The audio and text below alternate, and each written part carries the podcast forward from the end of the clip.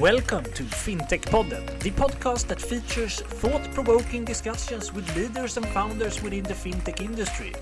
From core banking to Bitcoin, we cover it all. Now, get ready for the next episode. Very welcome to this Best of FinTech Podden episode. In this episode, we have put together parts of the most interesting conversations that we have had over the last 12 months. First out is no one else than Daniel Döderlein. That we recorded an episode number 17 back in uh, late 2019.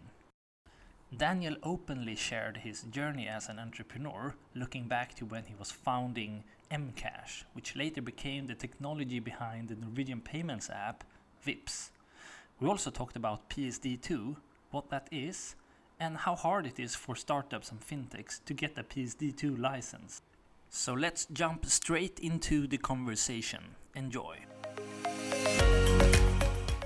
in 2006, which brings me to the answer to your question. So in 2006, um, I was sick and tired of doing VAS services, so value-added services for these mobile things. I've worked with the telcos and the media companies. Um, so I, I exited that line of business, and by random serendipity, I decided that I wanted to make it as easy as sending a text message to pay and get paid. and I'll, I'll explain why that just popped into my head. Um, I'm at this uh, this playground with my kids uh, in my hometown. Uh, I- I don't know what to do because I've sold this business. I'm just wandering around contemplating my life. And a friend of mine, we're still in Nokia time, right? Yeah. So nobody has a smartphone. So a friend of mine sends me a text message, um, and she asks me for money because we agreed to barter on a gift for another friend of ours for for a birthday thing. It's not part of the story, but so she sends me this message, um, pops up my phone instantly. I answer back and say, uh, "Yes, sure, I remember. So what's your account number? How much money do I owe you?" And we, we text message in real time, very intimately, very convenient, um, back and forth on our phones, Nokia phones. And when I come to the point where we are in agreement on what I'm supposed to pay, it's like, I'll fix it later because I'm sort of out doing stuff. Hmm. And then I walk home, I log on to my desktop computer, I bring out this clunky like token generator thingy, log into my internet bank and a new token to you know and then I punch in the, the account number, the amount, reading it from the, the screen of my phone. And then I have to sign it again with a goddamn new token and then send it. And then I can pick up my phone and send her an instant message that says, I've sent you the money. And right there and then it just hit me that okay, I live in allegedly the richest country on the face of the planet. We're all greased up in oil. Uh, you know, we have all the the sort of technical due digits that you can buy, but still, money. You know, we we text message in real time all the time. We're all addicted to it, but still, money moves like you sort of put it on the back of like an old cold-driven train that needs to go somewhere to like the North Pole before it arrives where it should arrive. And just hit me that that's just a terrible user experience. So I wanted to fix it.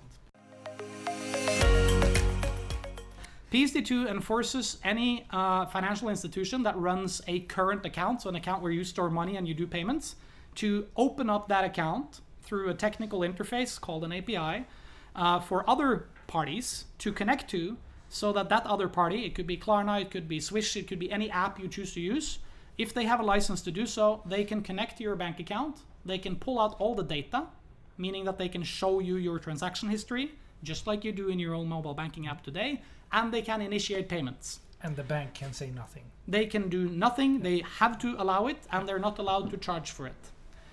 So it's free. Um, which means that if you are a third party, as defined by, by PSD2, any other financial institution, any app provider that is allowed to do so. So let's use Facebook as an example.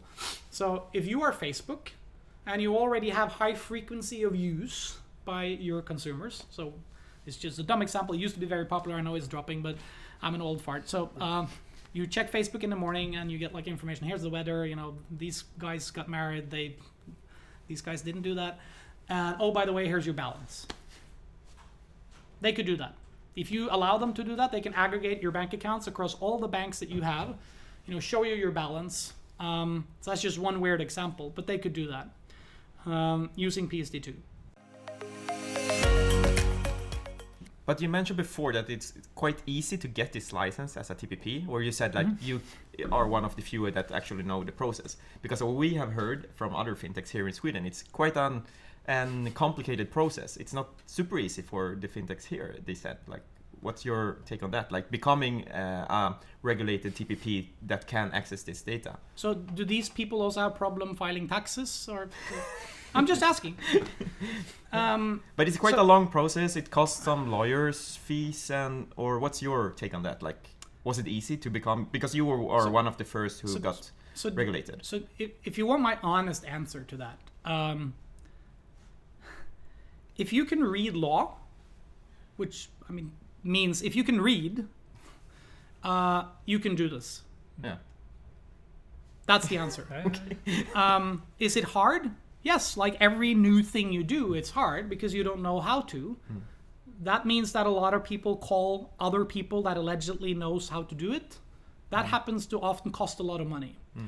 Uh, does that increase your own knowledge or your ability to redo it or manage it? The answer is no, unless you're paying them to do that as well. This is called expensive lawyers slash consultants. So if you engage expensive lawyers slash consultants, they might fix the problem for you, but you don't know jack shit about how it was done, which is a problem when you're operating in the financial services space because you have to know how shit is done because that's what you will be audited on afterwards. The regulator is expecting you to have internal competence to know how shit was done and for you to keep shit running. So, um, calling a lawyer might be good to do an external assessment about what you have done or an external assessment on how you're continuing to do it.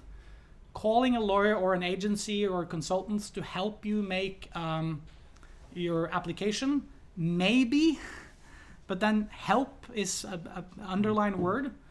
Call someone else to do it for you. You should never do. Um, we had no external help. I'm not a lawyer. My co-founder was a lawyer, so we did it together. It's not hard. And with those optimistic words about getting a PSD2 license by Daniel Döderlein, we are now jumping over to our next favorite conversation, which was held back in episode number 28 with Che Sidanius, where we talked about financial crime, green crime, uh, blockchain and cryptocurrencies, and what Refinitiv, the company that Che works for, are doing within those areas. So let's jump straight into the conversation. Enjoy. So one of the things that we're very active in is um, uh, looking at blockchain technologies, cryptocurrency uh, technologies, uh, who, just like banks, just like anyone else who, who needs to do their due diligence in terms of understanding what the source of wealth is uh, and who they're doing business with to understand, uh, to make sure that they're, they're doing something proper um, is we work with them to make sure that they have the best tools and best technologies and best data that, that we have to make sure that they have an understanding of who they're actually doing business with. Uh, and despite all the, the jargon, um, the due diligence prerequisites uh, are the same.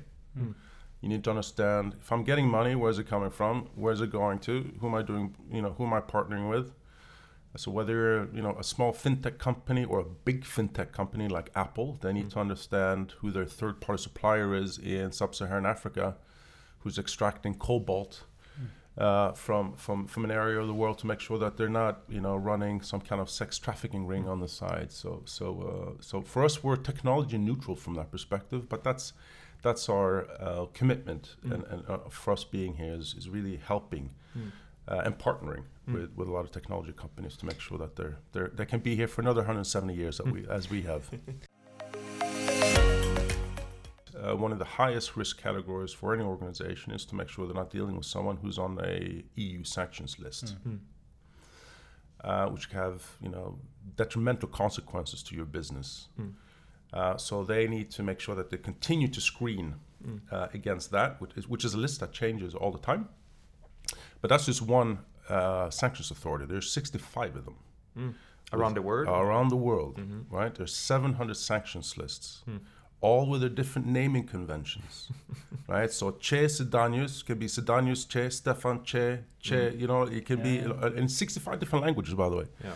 So it's an incredibly complex thing to manage. So instead of organizations building a factory of analysts that we do, that we have, uh, they decided to outsource it, it's, uh, outsource that that functionality, that capability, so they can focus on the things that they are good at, which is you know, you know focusing on their, the business, the, the types of assets that they have. So that's why companies really use us because it's a very complex thing to do. And that's just one example of sanctions. There are a whole multitude of different regulatory regimes that companies who operate globally need to meet. Um, and, and managing that uh, and ama- also managing the data of that is, is very complex. So sustainable finance is about sustainable investment for investment purposes for, for ethical reasons. Green p- crime is a bit different slant. Um, it's, a, it's putting sustainability from a criminal perspective. In fact, Europol and Interpol themselves have put the concept of green crime or environmental crime, more specifically, as one of the top, you know, top objectives to mm. address. Mm. Why? Because it gets into that uh, the, the degradation of our environment poses a security threat. Mm. It causes mass migration. It causes violence. The the the the um, the inability inability to get fresh access to, to fresh water can cause conflict. The International Criminal Court even considered putting what we call ecocide alongside genocide. So uh, so so there's more about sustainable investment from a return and much more around actually this is a threat. This is a threat to security. This is a threat to to to how we uh, you know how, how we conduct ourselves and, in the societies that we live in. And now we will jump over to one of our other favorite conversations that we held with no one else than Chris Skinner before the summer about what will happen to banks after the COVID p- pandemic and why he likes Klarna and Stripe so much. So, let's jump straight into the conversation. Enjoy. after this pandemic, there will be a rush by banks to fully digitalize. As the pandemic arrived, banks were completely unprepared. Uh, the big banks, particularly in UK, uh, most of Europe and the USA.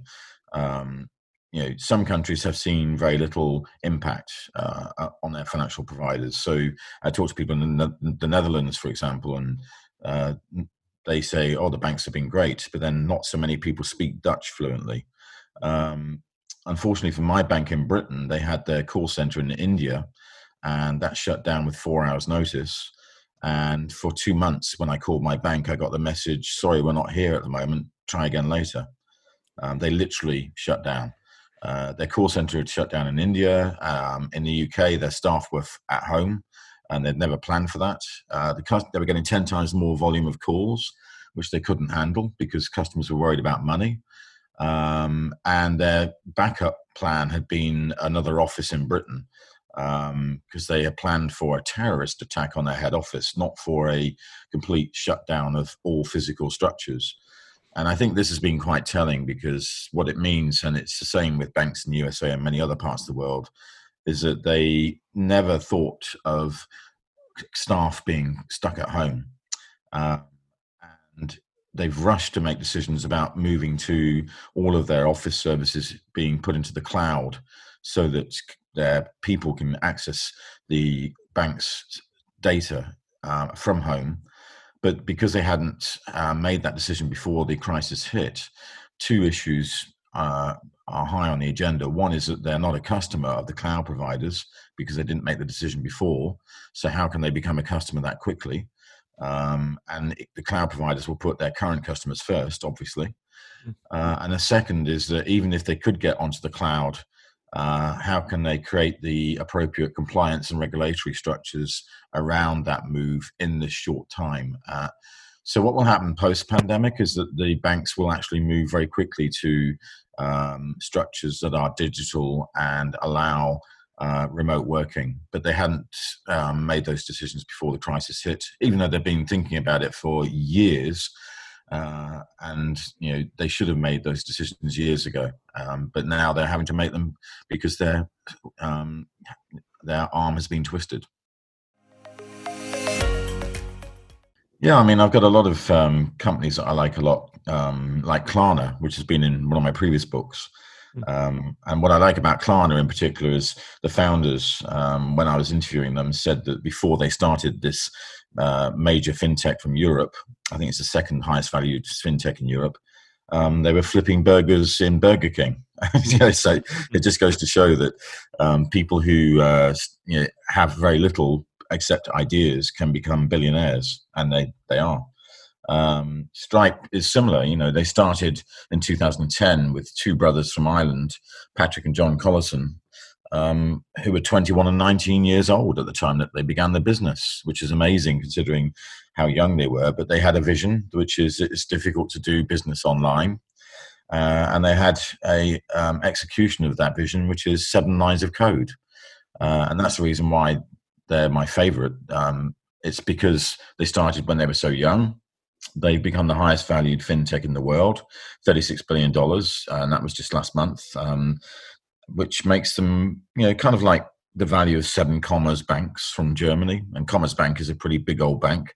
Um, but Stripe is seven times more valuable just in 10 years uh, with seven lines of code. And that's the key thing. It's seven lines of code as an API and it really demonstrates the power of the world we live in today in terms of digitalization because it's all based around having beautiful code uh, written fantastically well executed brilliantly um, put into the marketplace of the internet as a service uh, powered by cloud computing and available as an api or as an app in some cases or as an analytics in other cases um, that creates multi-billion dollar unicorn companies. And you know, without cloud, without smartphones, without apps and APIs, none of that would exist today. It's a completely different world that most traditional banks, because they were built for the industrial revolution, just don't understand. And now we will move over to the topic of open banking, where we talked with Michael O'Loughlin in episode number 31 about open finance and open banking. We talked about what open banking is, what PSD2 is, how far the banks have come within this area, and what the meaning of open finance actually is. Let's jump right into the episode. You know, um, I, I won't go into the percentages, but um, I think uh, the numbers are frighteningly low on the actual compliance. I think um, many of the banks believed that this was a problem that would just go away. And hmm. what I mean by that is they were told you have until September 19th, 2019, September 14th, 2019 to actually comply. And the consequences of not complying were never really truly stated, as in, it's not like a GDPR fine where if you're in breach, you pay an awful lot of money. Um, and as a result of that, I think the deadline is slipped. Now, when we go out to our investors or went out to our investors, we saw this as, you know, the holy grail, as in this is the deadline, we'll get the mass rush and panic buyers in the end. And don't get me wrong, we did. But many of the banks, the larger tier one banks, chose to build it themselves. What we mean by that is they dedicated compliance departments, ring fence project teams to work on they didn't call it necessarily an open banking project, they called it the compliance project, which in essentially is a tick the box exercise to make sure you comply with the RTS requirements.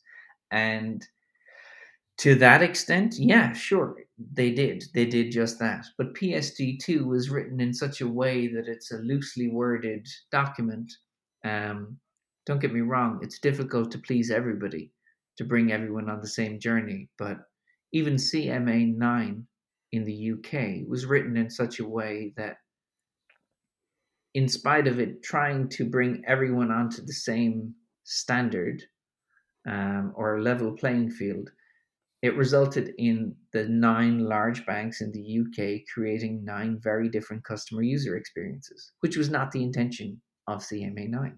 Similarly, in PSD2, because there was no true penalty at the end of the deadline, many of the banks either lapsed and didn't comply, or the ones that did comply literally complied for the sake of compliance. It was a very poor user experience if you wanted to actually go and do open banking.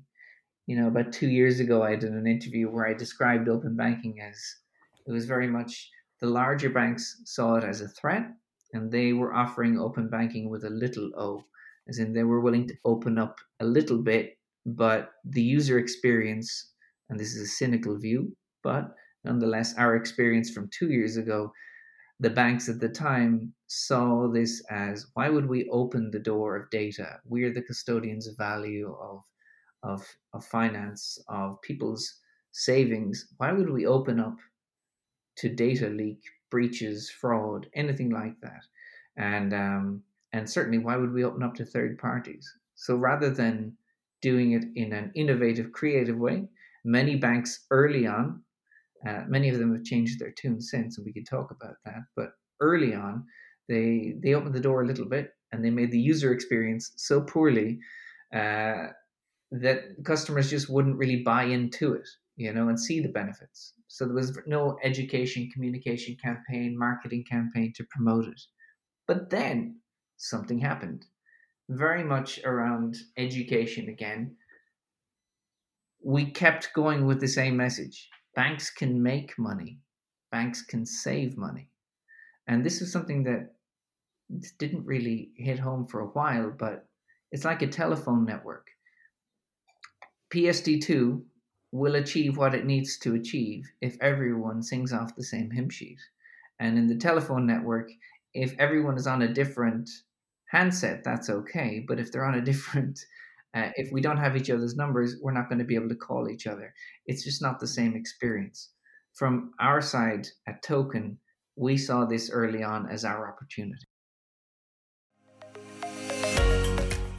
If, even if you look at the the great work that Bill and Melinda Gates and the Gates Foundation are doing to help bank the unbanked, you know, um, even you know, a lot of people wouldn't admire me for this statement, but I still think that Facebook is doing admirable work trying to bring wider internet access to Africa. Um, and I think, you know, even in the United States, let's not even look to Africa right now about banking the unbanked. I think uh, in the United States, um, they wanted to distribute the checks, like checks, and and I won't laugh. I was I won't I won't lie. I was the, one of the first people to scoff and write the comment online saying, seriously, it's 2020, we're really going to use checks. But then immediately people came back to me and said that, um, you know, 10% of people are unbanked mm. in the United States. And um, I was shocked. But that's the reality that, that it is. And, but an awful lot of it is, yes, there is a wealth poverty gap that is getting bigger. Um, but let's start from the ground up. Um, it's all great and privileged us, like I said earlier on, having this conversation, talking about talking about new technology and open banking and things like that. I think um, sometimes you do need a brick and mortar bank. I think where it can help is um, some type of ID verification that doesn't involve a handset, that can physically involve someone walking in and showing their fingerprint to, to rather than a home address or a voting card or a driver's license, things that people might not necessarily have access to, uh, but that could exist in that branch that we're trying to kill at the hmm. moment. You know, um, because not everyone can afford a five hundred dollar smartphone, um, or indeed a bill pay, or indeed access to the internet, and um, it's these restrictions that as we move forward with technology, you know, I have to almost pinch myself and remind myself that um, open finance isn't necessarily going to be the magic bullet, but we have a role to play. You know, um, I describe banking the unbanked as the great cocktail mix. You know, you, you can put in too much alcohol, or else it can taste too sweet. But uh, we have to get it right. And our role, and bring it back to Token for a second. Our role in Token is very much to be the plumbers of this industry. And that was it for today's episode. We hope that you liked it. Both I and Johan are very happy and thankful that you're listening to us. And if you like what we do here, please go into iTunes or whatever platform you're listening from and leave a review or a rate. We would appreciate that a lot. We will soon be back with another episode, and until then, have a good time.